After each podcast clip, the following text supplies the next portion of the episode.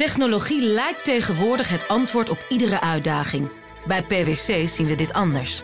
Als we de potentie van technologie willen benutten, kunnen we niet zonder een menselijk perspectief. Human-led, tech-powered noemen we dat. Ga naar pwc.nl. Scherp. BNR Nieuwsradio. BNR breekt. Ivan Verrips. Goedemorgen en welkom. Vanaf half twaalf praat ik over het nieuws van de dag. Zoals over de ChristenUnie die met een alternatief komt... voor het veelbesproken 2G-plan. Alternatief dat wij gisteren trouwens al bespraken. Een 1G-beleid met altijd testen voor iedereen. Nou, je moet er maar zin in hebben. En dan hebben we het ook nog over Amalia en Linda. Wat die met elkaar te maken hebben, niks, maar we gaan het er wel over hebben. In mijn panel vandaag Rabi Safi van De Belegger... en Robert Verhul, vicevoorzitter van de JOVD. Goedemorgen allebei. Goedemorgen. Goedemorgen. We gaan beginnen met... BNR breekt. Breekijzer. Ons vestigingsklimaat moet beter om te voorkomen dat bedrijven als Shell en Unilever vertrekken. Royal Dutch Shell, dat is binnenkort verleden tijd, want Nederlands trots of schaamte, het is maar net hoe je er naar kijkt, verplaatst het hoofdkantoor van Den Haag naar Londen. Vorig jaar deed Unilever dat al en de reden is het niet afschaffen van de dividendbelasting. Gisteren werd het kabinet een beetje overvallen door dat nieuws. Minister Blok van Economische Zaken besloot te polsen of er draagvlak was uh, om die dividendbelasting alsnog heel snel af te schaffen, maar ja, die was er niet.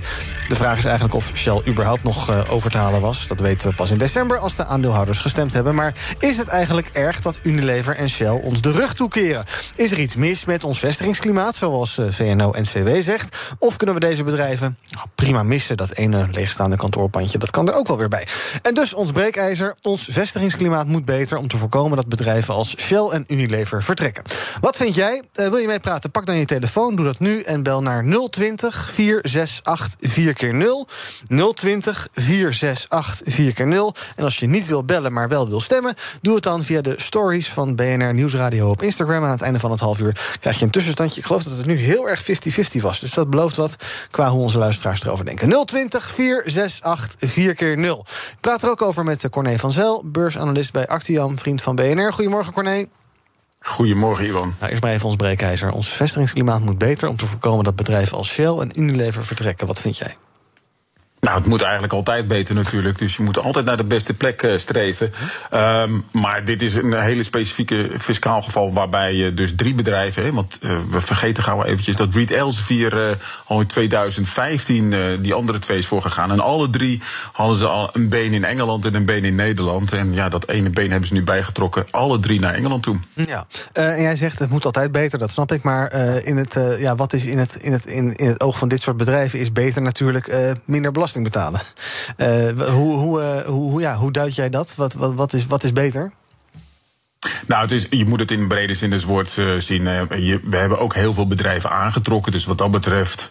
Uh, ik denk dat dit allemaal vrij specifieke gevallen zijn. Maar het is, la, laat wel het is hele slechte reclame voor Nederland als vestigingsland. De internationale kranten staan er echt helemaal vol van. En dus wat dat betreft is dat ja, slechte reclame kan je eigenlijk niet voorstellen. En dat heeft ook wel impact. Hè. Reed Elsevier, ik zeg altijd maar, hoeveel heeft Reed Elsevier nog geïnvesteerd in Nederland? Nou, zo'n beetje helemaal niks. En het is eigenlijk volkomen uh, Engels geworden. En dat, ja, die kant gaan we langzamerhand straks ook op met uh, Shell en met. Unilever om de simpele feiten. Je kan van alles beloven dat je hier wil investeren. Maar beloften zijn uh, natuurlijk uh, vaak om gebroken te worden. En woorden zijn zacht. Dus dat gaan we wel zien. Maar het vestigingsklimaat bestaat natuurlijk uit een heel veel dingen. Hè. Hoe, gaat, hoe is de maatschappij richting buitenlanders? Hoe is het, hoeveel talent is er? Nou, we kunnen ongelooflijk veel talent aantrekken. Kijk maar naar een ASML. het onderwijs, hoe makkelijk dat is. tolerantie en dat soort zaken. Dus het is een heel breed scala. En op dat brede scala uh, scoren we wel heel erg goed. Ja, uh, we gaan zo even verder praten over onder andere de dividendbelasting. Ik ga zo ook even aan mijn panel vragen wat zij ervan vinden. Maar even nog heel kort in een paar zinnen. He, Shell, Brits-Nederlands bedrijf, hoofdkantoor in Nederland. Maar dat gaat dus anders. formeel zeggen ze in het persbericht... zodat het bedrijf sneller en flexibeler kan opereren. Maar jij zegt het is een fiscale kwestie... en die heeft simpelweg met die dividendbelasting te maken. Meer is het niet, toch? Nee, nee, dat zeg ik niet. Oh. Uh, het is heel simpel. Al die bedrijven, het is natuurlijk veel makkelijker opereren. En dat heb je gezien met de overname van British Gas. Dat is, was een hele moeilijk gedoe. Uh, dus met overnames, met uh, dividend, met uitkeren, met speciale dividenden, met inkopen van eigen aandelen. Dat is allemaal veel en veel makkelijker op het moment dat je één bedrijf bent. En ook op het moment dat je één bedrijf bent, kan je veel makkelijker je strategie uitzetten en die, die volgen. Uh, dus wat dat betreft is het bedrijf daarmee flexibeler geworden. Het is ook voor Shell een, een lange lijst geweest waarbij dividendbelasting een, een, een, factor is, maar zeker niet de enige. Oké, okay, ga een rondje panel doen, daarna een paar bellers, dan kom ik bij je terug. Rabi, de belegger. Ja, Shell lang aantrekkelijk voor beleggers. Hè? Uh, hoe wordt het nou een oude dagsbelegging? We hebben we ja. gehoord. Ook voor jou? Uh, nee, niet voor mij persoonlijk. Oh, waarom niet? Uh, omdat ik niet van, en vooral niet in hele oude, ouderwetse bedrijven beleg, die uh, in de olie- en gasindustrie zitten. um, maar ik snap wel dat Shell dit, uh, deze keuze maakt. Ook Unilever. want het vestigingsklimaat in Nederland is langzaamaan slechter en slechter aan het worden. En ik snap dat er heel veel mensen zijn die zeggen: ja, maar die bedrijven moeten ook belasting betalen. Maar die bedrijven betalen indirect gewoon ontzettend veel belasting. Eh, in de vorm van accijns, in de vorm van inkomstenbelasting van hele hoge inkomens die ze hier, eh, hierheen trekken. Uh, als iemand, laten we zeggen, 100.000 euro verdient, en dan, dat verdienen heel veel mensen bij een bedrijf als Shell, dan betaal je gewoon 50% belasting. Ja. Dus ze betalen indirect gewoon ontzettend veel belasting. En dat is wel wat je gewoon kwijtraakt als, als land. En wat ik ben even zijn naam kwijt, maar die meneer Van Actiam net ook benoemde. Corné, ja. Corné is dat, je, uh, dat het in het buitenland wordt het gewoon heel erg slecht ontvangen. Ik, ik weet niet of je dus NBC in, in de VS wel eens uh, kijkt, maar uh, gisteren werd er verteld dat werd Nederland een beetje doodgespeculeerd. Dat heel veel beursgenoteerde bedrijven er weggaan en dat je Um, uh, dat je eigenlijk mensen hebt hier in Nederland die bepalen hoe je je bedrijf moet gaan runnen. Ja. Weet je wel? dat, dat schrikt heel veel bedrijven in de toekomst af. Uh, zoiets als je aandelen inkoop, dat, dat daar gewoon een max op legt. Weet je? Dat, dat schrikt gewoon heel veel bedrijven in de toekomst af. En dat is gewoon zonde. En dat baart je ook wel zorgen? Ik vind het gewoon zonde voor Nederland. Ja. Robert, ja, als ik uh, JOVD, VVD, dan denk ik toch uh, Mark, vestigingsklimaat Rutte. Dat is toch een beetje zijn uh, tweede naam. Ehm, maak jij je zorgen? Um, ja, ik denk wel uh, dat ons vestigingsklimaat is nu nog best wel goed. Maar je ziet wel dat het per jaar minder wordt. Want uh, we zijn heel weinig aan het investeren in de infrastructuur die nu nog heel sterk is. Ook met uh, belangrijke dingen als Schiphol. Mm -hmm. Maar daar wordt ook al steeds meer politieke druk op gelegd. En je ziet ook dingen als onderwijs en innovatie, dat wij daar ook heel weinig in investeren. Dus daardoor neemt ons vestigingsklimaat wel af. Terwijl wij daar juist altijd heel sterk in waren. Ja, dus ik denk wel dat dat uh, een kwalijke zaak gaat worden. En zeker als je ziet dat uh, Shell het voornamelijk nu doet door politiek instabiel beleid. Want ze gingen ervan uit dat dividendbelasting werd afgeschaft. Dat was ook voorgehouden en vervolgens doen we het niet. Ja, waar kan je er dan nog op de overheid die vertrouwen? Ja, maar is het nog wel een gaaf land of dat niet? Het is een ontzettend gaaf land. Kijk, die, die quote hebben we binnen, dankjewel. We gaan even wat bellers aan het woord laten. Henk, goedemorgen. Hallo, Henk? Oh ja, uh, nee, ik wist niet dat je mij bedoelde. Uh, ja, ik had uh, gebeld. Ik ben, zou het aardig vinden als Shell wel en, hier, hier, bleef.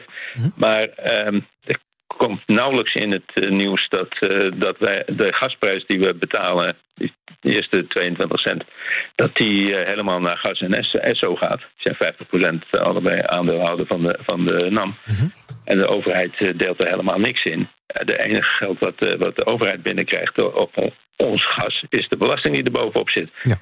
Dus ook die discussie over dat de gasprijs nou gigantisch gaat, gaat stijgen, dat is voornamelijk omdat, er, omdat twee derde van de prijs belasting is. Ja. En, en de eigenlijke, de eigenlijke uh, betaling van gas is aan Shell en Esso. Die zijn ja. ook verleden zijn die tot eigenaar verklaard.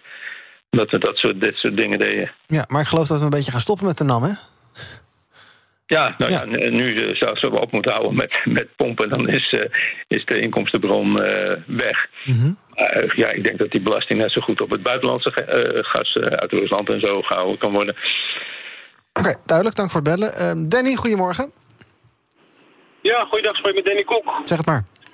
Um, ja, ik heb eigenlijk een klein beetje mijn eigen politieke agenda. Kijk, ik ben aan het volgen hoe de regering is omgegaan met het vertrek van Unilever en nu met Shell. En dat er nu weer dividendbelasting, dat er daarbij aan wordt gemoord. En dan denk ik, er wordt de verkeerde kant op gereageerd. En ze weten eigenlijk niet goed hoe ze het aan moeten pakken, maar dat ga ik ze vertellen. Oh, kom maar op. Kijk, als Shell zo graag naar Engeland wil, hè, dan mag, kan de Nederlandse regering zeggen... oké, okay, dat is goed, jullie gaan naar Engeland... maar dan gaan jullie de ontdokenbelasting van de afgelopen 30 jaar... daar worden jullie verantwoordelijk voor gesteld.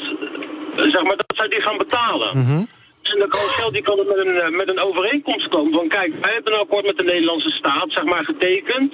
Een 0% zeg maar tarief. Maar hoe daar dan mee om wordt te gaan, dat is eigenlijk dat is een bewijs dat Shell dus wel uh, belasting ontdoken heeft, zeg maar. Laten we het zo zeggen. Ja. Uh, dus daar kunnen ze voor verantwoordelijk worden gesteld. En kijk, dit gaat een mondiaal probleem worden. Hè. Kijk, er is laatst zijn de akkoorden afgesloten dat er mondiaal 15% belasting wordt betaald. Mm en nu zijn er toch weer landen die gaan zeg maar schermen met aanbiedingen van belastingtarieven en belastingkortingen. Waardoor al die mondiale bedrijven zeg maar weer gaan schuiven, waardoor ze eigenlijk toch niks gaan betalen. Dus daar gaan we wat tegen doen. En het is een beetje lullig dat Shell nu de presidentwerking zeg maar, daarvoor gaat vormen, maar toch is het zo. Maar dit probleem moet aan worden gepakt. De bedrijven die moeten blijven zitten waar ze nu zitten. Zo gaan we het maken. Dat is de bedoeling. Ja, en als ze dat niet doen, moeten ze uh, forse boetes betalen. Dus goed idee, uh, Corné, er wordt wel aan gewerkt, zo'n vertrekboete.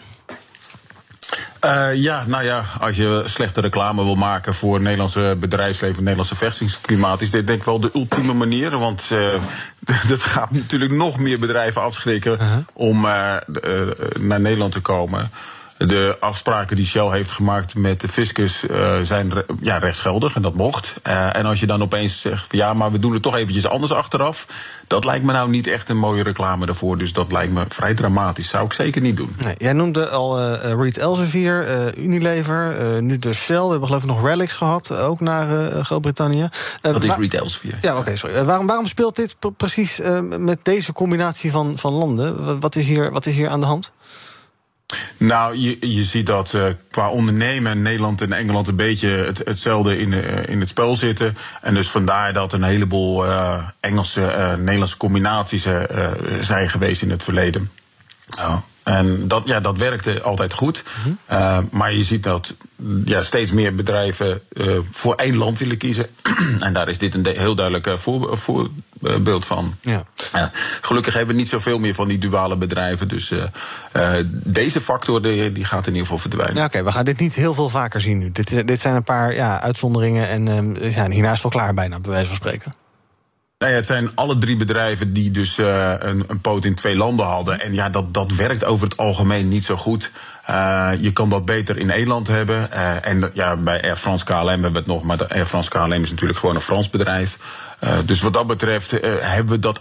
Deze factor hebben we niet meer. Je kan nog altijd wel hebben dat bedrijven natuurlijk naar een ander land willen gaan. Hè. We hebben net bijvoorbeeld net Prozus gekregen uh, op de Amsterdamse beurs. Dat is eigenlijk een Zuid-Afrikaans bedrijf wat hier naartoe verhuisd is. dus het, het kan wel dat het hele bedrijf gaat, mm -hmm. maar niet meer op basis van dat, dat ze een eenvoudige structuur willen hebben.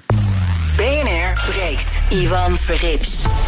Met in mijn panel Robert Verhul van de JOVD, Rabi Safi van de Belegger. Je hoort net Corné van Zel, beursanalist bij Actiam. We praten over ons breekijzer. Ons vestigingsklimaat moet beter om te voorkomen dat bedrijven als Shell en Unilever vertrekken. Wil je reageren, pak je telefoon en doe het ongeveer nu, want we praten er nog een minuutje of acht over. Bel naar 020 468 4 keer 0 020 468 4 keer 0 Dan spreek ik je zo in de uitzending. Wil je niet bellen, maar wil stemmen? Ga dan naar de stories van BNR Nieuwsradio. Daar kan je dus stemmen. Um, uh, die dividendbelasting, Rabi. Uh, uh, was het dan misschien toch verstandig geweest om die, uh, om die af te schaffen in jouw ogen? Ja, ik denk het wel. Dan had je waarschijnlijk uh, Unilever en Shell gehouden. Want je noemde Shell net al een ouderdags uh, investering of belegging. En dat heeft puur met dit dividend te maken. Als je wat ouder bent, dan wil je vaak inkomen. En als je een bepaald vermogen hebt opgebouwd, dan krijg je daar gewoon dividend over uitbetaald. En heel veel mensen die willen het liefst niet die 15% extra betalen. Ja, um, Robert, we zitten in een formatie al heel erg lang inmiddels.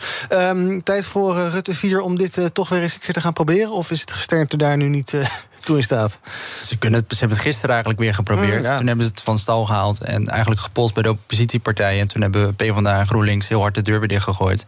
Dus ik denk dat ze het op zich wel zouden kunnen proberen, maar dat geen enkele zin heeft. Want in de Eerste Kamer gaan ze er nooit een meerderheid voor vinden. Ja. Maar wat ik me afvraag is, waarom is het VVD zo erg naar links geschoven dat je naar dat soort dingen luistert?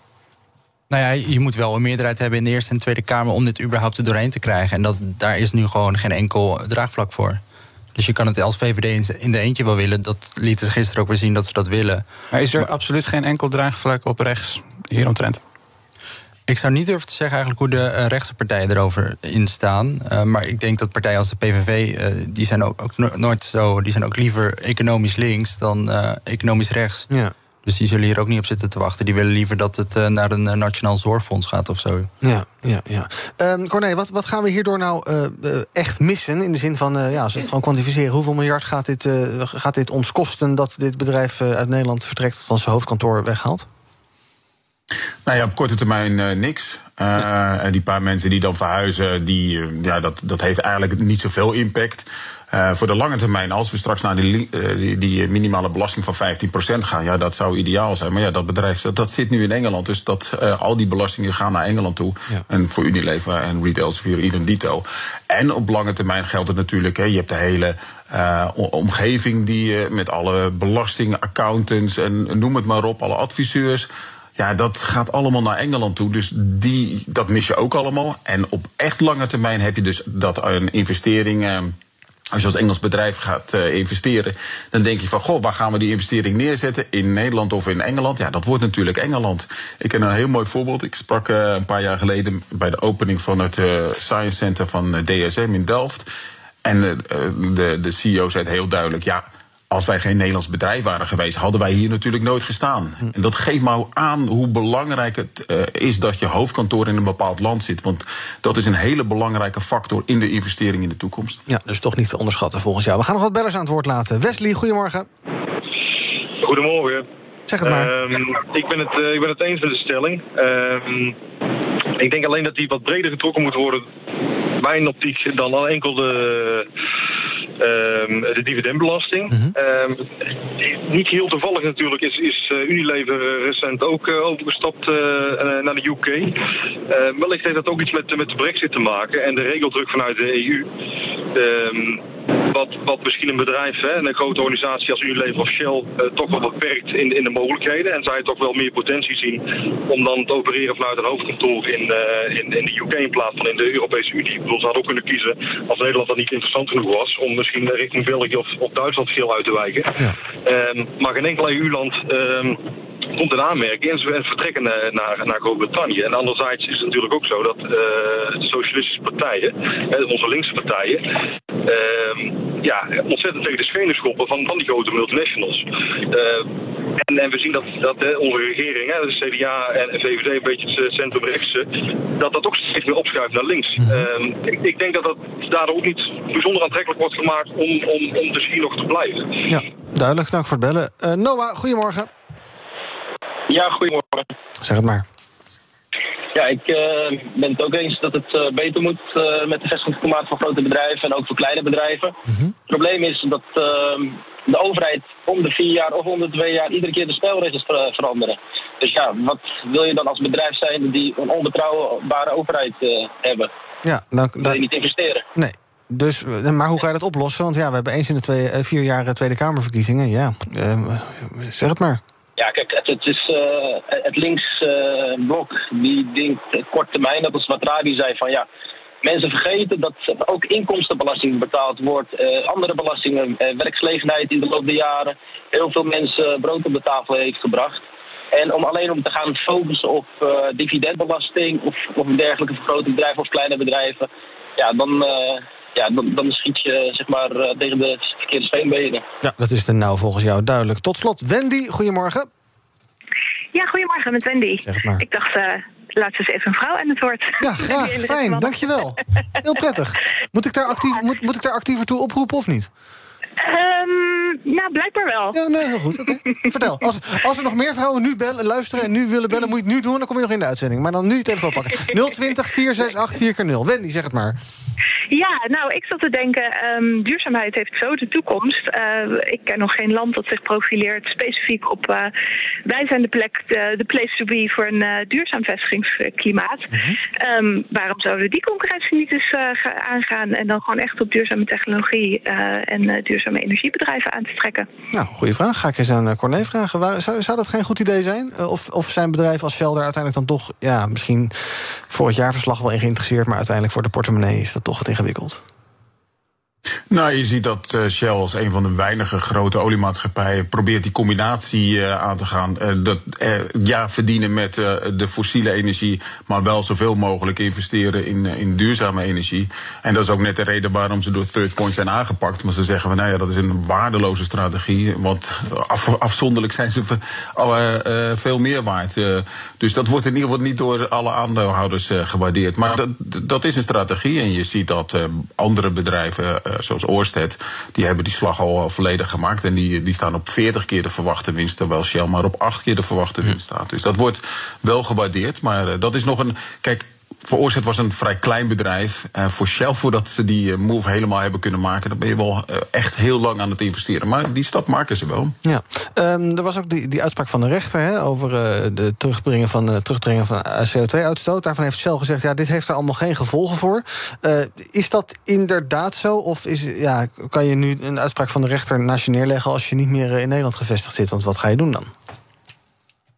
Nou ja, daarvoor moet je echt jurist zijn om dat te mhm. kunnen bepalen. Uh, ik zag al een heel mooi commentaar op Reuters. Die zei van ja, dit is gewoon een dikke vinger naar die rechter toe. Van ja, als jij op de stoel van de wetgever gaat zitten, dan gaan wij toch gewoon weg als onbetrouwbare overheid. Hm. Uh, maar goed, dat is een, een discussie die je beter. Uh, en uh, denk ik dat er nog wel wat rechtszaken over gevolgd worden. Of die rechter dat wel mag beslissen of niet. Maar dat, dat zullen we zien.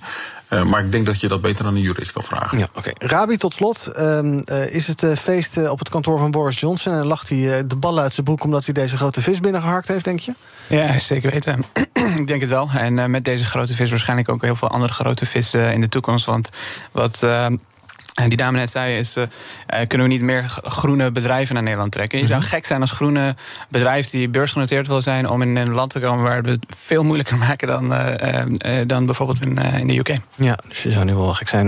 Oké, Robert, nou, dividendbelasting afschaffen gaat dan voorlopig niet gebeuren. Wat kunnen we wel doen? Wat, wat zou je voorstellen zijn voor de korte termijn... of in ieder geval wat je binnen afzienbare tijd kan doen... om dat vestigingsklimaat een beetje te verbeteren? Nou ja, ik denk vooral dus dat je als nieuwe regering een gewoon stabiel beleid moet gaan voeren. En inderdaad, zoals Rabi ook zegt, eh, gewoon goed kijken naar regelingen die in het Verenigd Koninkrijk, maar bijvoorbeeld ook in Ierland, veel gunstiger zijn dan in Nederland. In de hoop dat we dan toch weer meer bedrijven of gaan aantrekken, of in ieder geval vasthouden. Want je had een paar maanden geleden ook nog een ander bedrijf, uh, voor mij de opvolger van de mijn in Nederland, die zat ook uh, te dreigen dat ze naar Zwitserland wilden vertrekken. Ja, ja ik, ik, heb zelf trouwens in Ierland gewoond. En in Ierland heb je vrijwel alle grote techbedrijven... die hebben hun vestiging, hun hoofdvestiging uh, hebben ze daar. En die investeren daar massaal in kantoren. Bijvoorbeeld uh, LinkedIn had laatst een uh, kantoorpand opgekocht... voor 90 miljoen daar, weet je wel. Ja. Dus dat, is, dat zijn investeringen die je gewoon mist als land. Ja, maar goed, je krijgt ook wel een race to the bottom. Als wij gaan proberen om een beetje onder andere landen te zitten... Dan gaan, dus het is meer... Ja, er zijn afspraken over een, een minimumbelasting voor bedrijven. Nou, dat gaat er misschien komen. Maar ja, je, moet je elkaar continu de pan uit concurreren? Waar eindigt het dan? Nee, ik, ik ben van mening van wel. Want dat is op zich wel uh, goed om je land interessant te houden voor andere bedrijven. Ja, um, dat is marktwerking uiteindelijk. Je wilt wel mee kunnen concurreren op wereldniveau. Duidelijk, dank jullie wel. En ook dank aan Corné van Zel, beursanalist bij Actiam. En excuses aan Wendy, maar er hebben geen andere vrouw gebeld. Dus dan valt er ook weinig te laten horen. Uh, zometeen in het tweede half uur van BNR Breekt gaan we praten over het nieuws van de dag. Over uh, Rusland dat met een wapentest in de ruimte... een van zijn eigen satellieten heeft kapotgeschoten en de gevolgen daarvan. En Hugo de Jonge, u uh, kent hem wel, bekend van... Beste mensen. Ja, die siert de cover van de nieuwste Linda. En daar is niet iedereen enthousiast over. Ik heb ook al heel veel grapjes gezien. Zometeen in het tweede deel van BNR Breekt. Tot zo.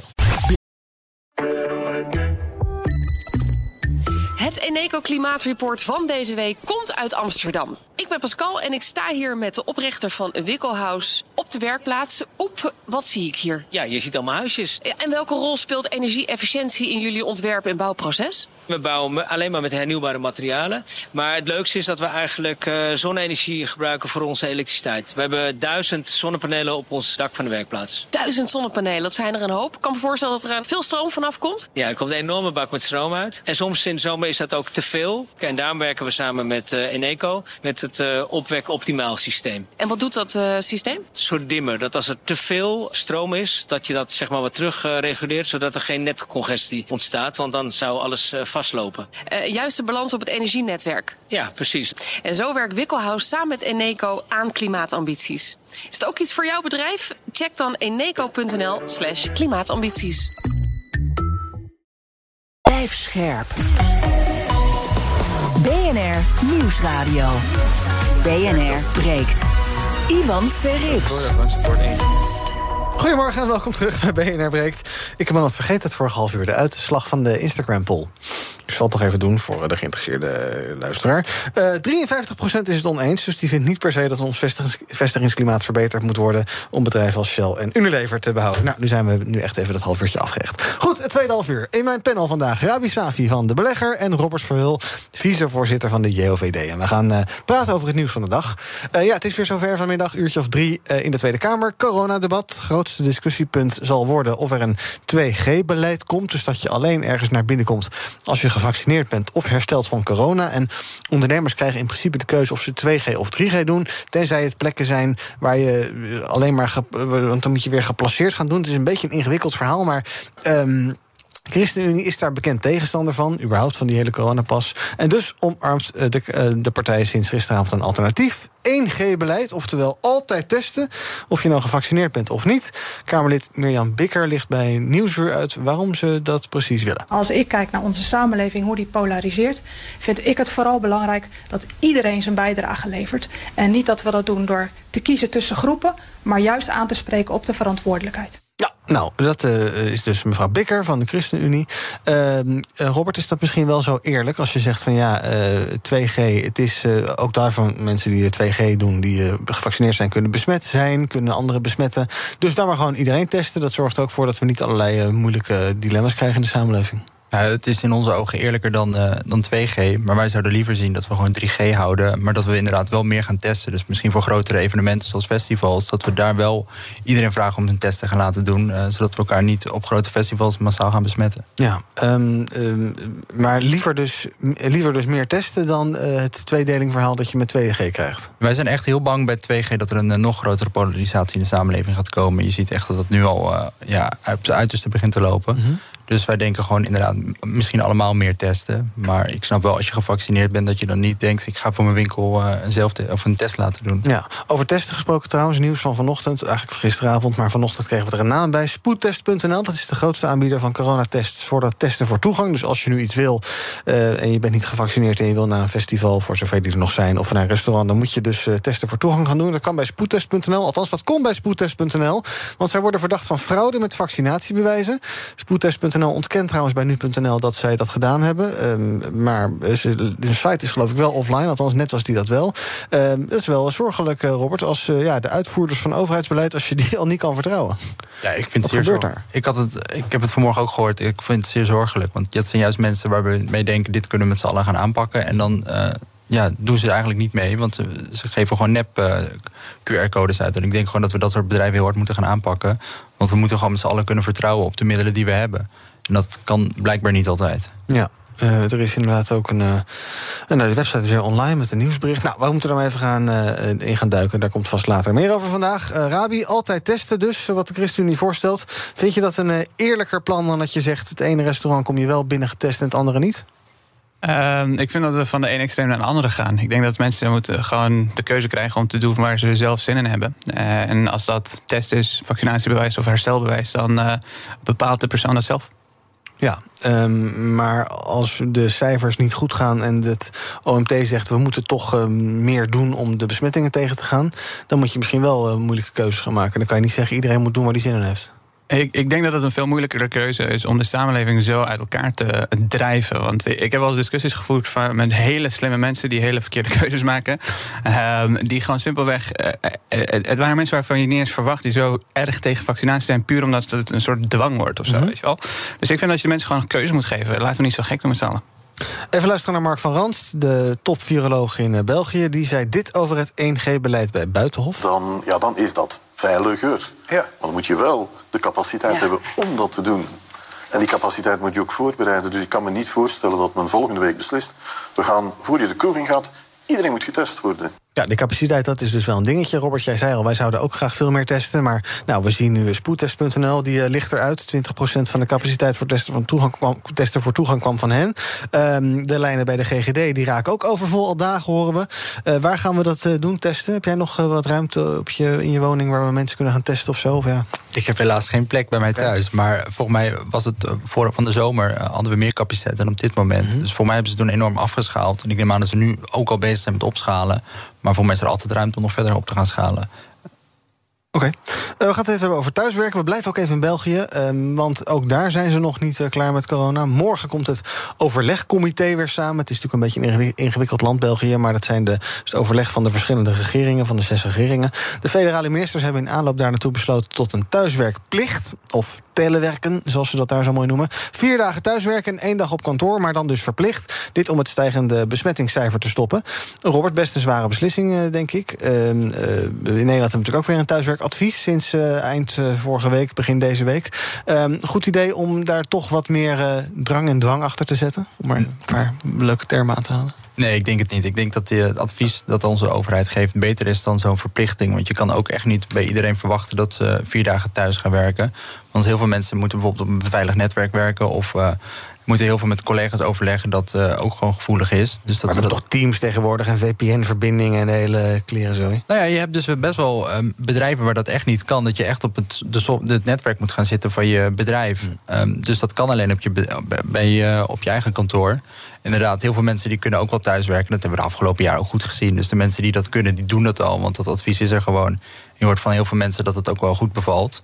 Maar je, moet die men, je moet, kan het niet gaan verplichten. Want er zijn ook genoeg mensen die wel uh, op kantoor moeten zijn. En ook heel veel mensen nou ja, die bijvoorbeeld in de. Ja, die geen, niet op de computer werken, mm -hmm. ook gewoon uh, op het werk moeten zijn. Ja. En je, ik, je hebt ook kans dat ze dan misschien met z'n allen gaan afspreken. Nou, dan gaan we met z'n allen op donderdag uh, naar kantoor. Dan ja. heb je alsnog één grote massabesmetting. Ja, heb je alleen donderdag files, dat zou mooi zijn. Uh, Rabi, als ik ook even kijk naar de analogie met jouw standpunt net... dan denk je hier waarschijnlijk ook mensen moeten doen wat ze uh, zelf het verstandigst vinden... en hun eigen verantwoordelijkheid hierin nemen. Ja, want ik, ik denk als je dit gaat verplichten, de mensen die thuis uh, werkten, die blijven sowieso thuis werken. En de mensen die niet thuis werkten, die hadden vaak een reden om niet thuis te werken. Dus uh, het heeft geen zin om te verplichten. Ik bedoel, het is ook geen exacte wetenschap dat als je mensen gaat verplichten om thuis te werken, dat dat opeens uh, hele, heel veel effect gaat hebben. Er zijn betere maatregelen, zoals 3G bijvoorbeeld ook in België. Ja. nee, er zijn, ik denk dat er betere maatregelen zijn om mensen iets te verplichten. Alright, we gaan eens even kijken naar wat jullie belangrijkste verhalen uit het nieuws waren. Um, Robert, jij wilde het hebben over het ISS dat wordt bedreigd door brokstukken na een Russische raketaanval. Dan denk je, oh, het is oorlog. Nee, ze hebben zichzelf aangevallen, althans een eigen Russische satelliet. En nu is het ISS bedreigd of zo, dat moet je even uitleggen. Er is, de, de Russen hebben een uh, nieuw wapen eigenlijk uitgeprobeerd om, waarmee ze satellieten kunnen opblazen. Dus dat hebben ze voor mij gisteren gedaan. En die brokstukken die bedreigen nu het ISS. Dus die mensen die moesten ook uh, naar, verplaatsen in het ISS. omdat ze gewoon die brokstukken ja, het, de satelliet bedreigden. Mm -hmm. Um, maar het is eigenlijk ook voor ons een breder verhaal. Want je ziet steeds vaker dat China en Rusland um, investeren in wapens die ook in de ruimte ingezet kunnen worden. En landen als uh, nou ja, de Europese Unie doet er eigenlijk helemaal niks met dit verhaal. Terwijl juist heel veel van onze infrastructuur zit ook in de ruimte. Bijvoorbeeld ja. satellieten voor GPS en voor andere software. Dat zit allemaal in de, in de ruimte. En dat beschermen wij op dit moment niet genoeg. Maar je ziet wel dat andere landen dat wel doen. Mm -hmm. Dus wij zijn heel erg bang dat als dit zo doorgaat, dat onze infrastructuur op die manier ook gewoon niet beschermd is. En dat we daar als Europa ook echt wel meer over mogen gaan praten. En ook gewoon meer beleid over mogen gaan vormen. Want er is, voor mij is de ruimtewet in Nederland. hoorde ik vanmorgen op een BNR-podcast uit 1967 of iets dergelijks. Dat is een oude podcast? Uh, nou, oh, de, oh, de wet. De wet komt uit die ja. tijd. Ik, dus je ziet gewoon dat in Nederland en de EU, die doet daar heel weinig mee. Uh -huh. Maar het is, uh, als je ook bijvoorbeeld de defensienota van vorig jaar las... dan is het wel een van de vier nieuwe dimensies, zoals ze dat noemen. Waar wel echt in de nieuwe Koude Oorlog, zoals sommige mensen dat willen noemen, dat gaat wat ver, maar wel uh, een belangrijk platform is waar dit uitgevoerd gaat ja. worden. En zou jij dan uh, meer reactie willen zien op die uh, raketaanval van afgelopen nacht op een eigen satelliet? Of zou je vooral proactief willen zien dat we inderdaad nou ja, ook dit soort dingen gaan ontwikkelen en dat, dat Europa wat steviger wordt op dit gebied? Ja, vooral wat steviger. Het was voor mij ook wel gewoon weer een signaal dat we hier af en toe wel over hebben als het gebeurt, maar voor de rest, voor de rest eigenlijk niet. Mm -hmm. En dat we daar eigenlijk ook meer met elkaar over moeten gaan hebben. Wat willen we hier nou mee? We hebben een paar jaar heel erg gelachen toen uh, Donald Trump uh, zijn Space Force oprichtte. Oh ja. Maar um, het laat wel zien dat het niet alleen maar uh, dom is. Want je moet hier ook echt wel wat mee gaan doen. En zeker als Europa, waar we nu met z'n allen samenwerken. Ja, en wat dan? Nee, we werken nu als Europa samen in de European Space Agency. Hm? En dat is voornamelijk op wetenschappelijk gebied. Maar we hebben nog geen bijvoorbeeld uh, defensiestrategie uh, voor de ruimte. En die moeten we toch met z'n allen gaan ontwikkelen. Want als Nederland zijn we daar echt te klein voor. Ehm, we hebben niet eens een lanceerplatform. Die heeft alleen Frankrijk in de Europese Unie. Ja, moeten we minister voor, bui voor buitenaardse zaken? Lijkt me wel leuk. Wie zou dat dan kunnen doen? Dat lijkt me ontzettend leuk. Maar misschien moeten we ons eerst even gaan uh, kijken met een staatssecretaris. Misschien is Stef Blok beschikbaar. Dan kan ik allerlei buitenaardse reisjes gaan maken. En handelsmissies en zo. Ik zie het helemaal voor me.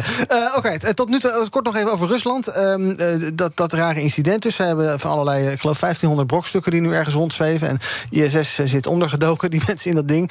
is daar nou iets fout gegaan of niet? Want de Russische ruimtevaartautoriteit, Roskomnadzor of zo heet het geloof ik... die zegt van ja, het is allemaal veilig gebeurd.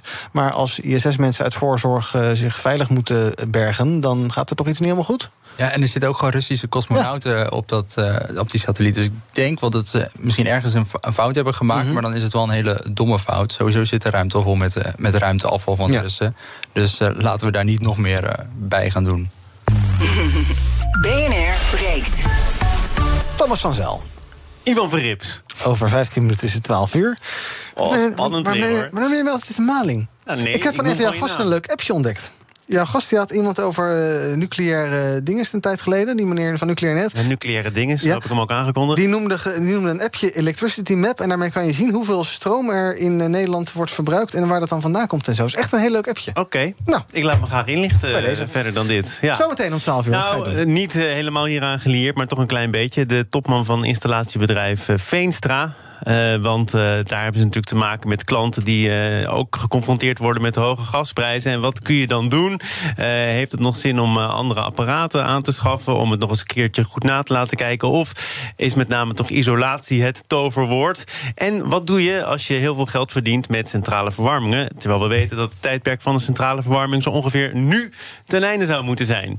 Dus dat gaan we zeker bespreken. Met onze FD-collega bespreek ik ook de tik op de vingers die het Europees Hof uitdeelt aan Polen. Niet voor het eerst, maar daar staat nogal wat op het spel. Zo, je wilt misschien wel de toekomst van de Europese Unie. En het uh, beleggerspanel is er. En dat is elke week uh, natuurlijk een spekkie voor mijn bekkie. Maar in dit geval Shell, Bol.com. Heel veel nieuws dat ook beleggers bezighoudt. Uh, dus ik zou zeggen, bindend luisteradvies. Vanaf 12 uur gewoon de radio aan laten staan. Dan hoor je zaken doen met Thomas van Zel. Tot zo. BNR breekt. Zullen we maar gewoon gaan kijken wat er trending is op de socials? Ik ben wel benieuwd. Ja, laten we maar kijken. Trending op de socials op dit moment ongeveer nu zo'n beetje. Ja, nou, dat is de verkeerde. Wacht even op de goede. Ja, nou ja, weet je, we beginnen gewoon. Onder andere trending hashtag aardbeving en hashtag Groningen.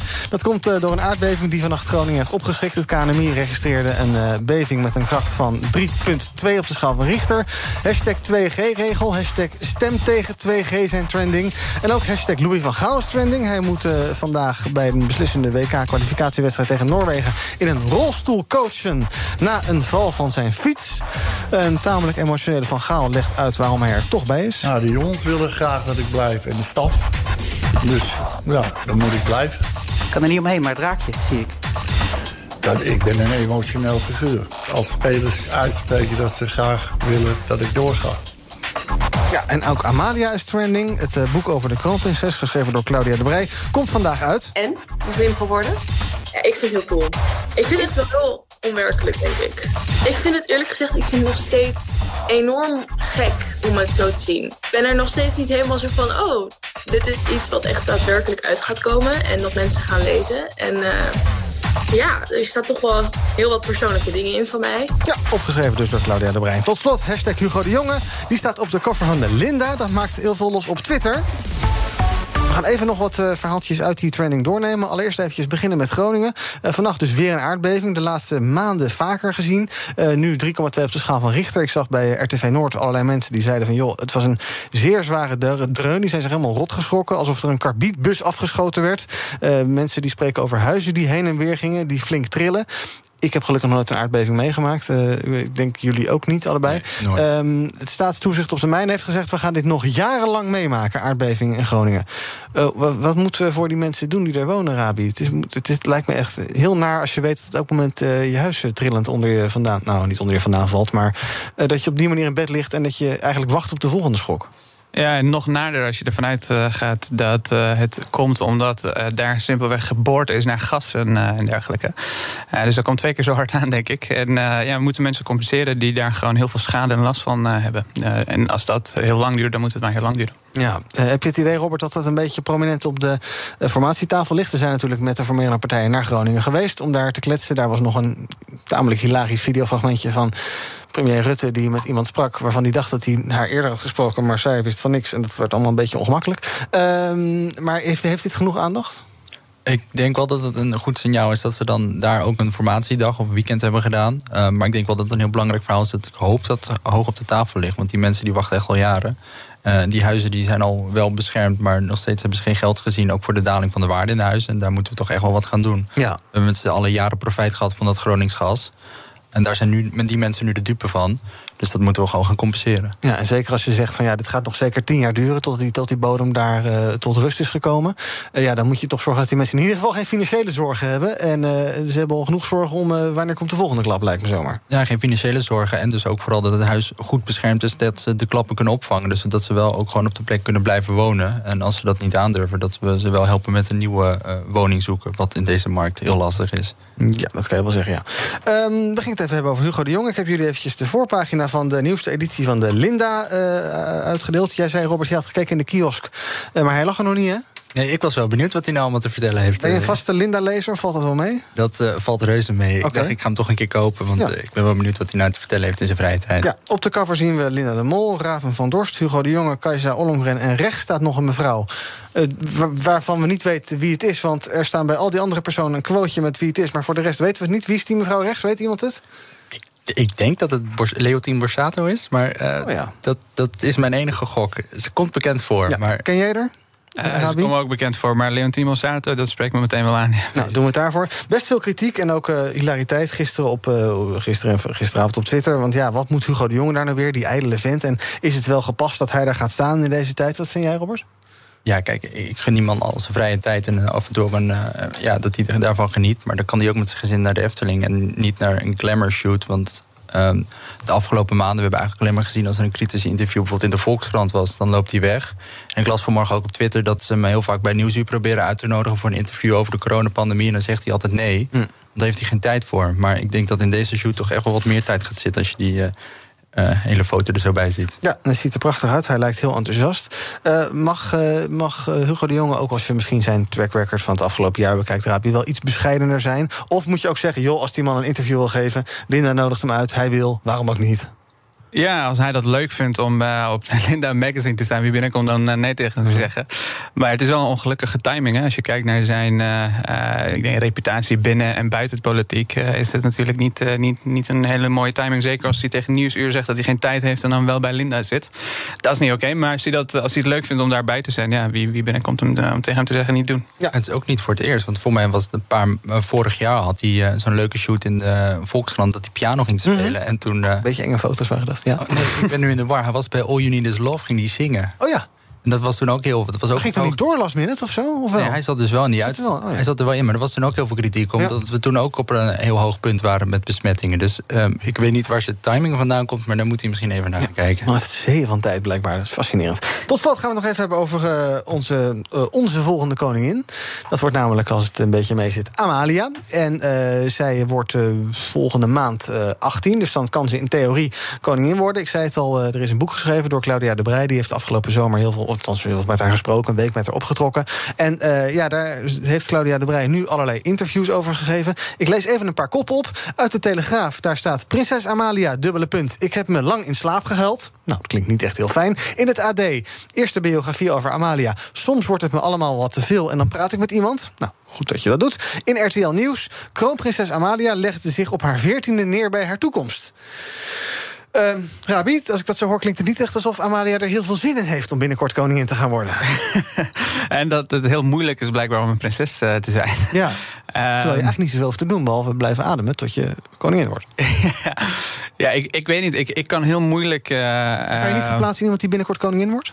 Uh, ik, ik, Ja, ik, ik kan heel moeilijk inbeelden dat ze zo'n moeilijk leven heeft. Laat ik het zo zeggen. Ik Mhm. kan me heel goed voorstellen dat er dingen zijn die, die niet eh, goed gaan en dergelijke. Maar eh, dat het daarover moet gaan dat, het zo, dat ze zo'n moeilijk leven heeft en ze geen zin heeft om een koningin te worden. Ja, ik weet het niet hoor. Ik, ik, ik denk dat het een beetje ehm, heel elitair is eigenlijk. Ja, ik kan je niet voorstellen, kijk, eh, materiële zaken, daar zal zij zich niet zoveel zorgen om hoeven te maken. Maar zij is wel bij haar geboorte eh, ja, bestemd om één beroep te gaan doen. Ze kan niet denken van, nou, ik word lekker accountant ergens bij EY of zo, dan ga ik dat doen. Nee, ze moet koningin worden, en anders kan ze niet zoveel. Dat, dat, is dat niet belastend, denk je?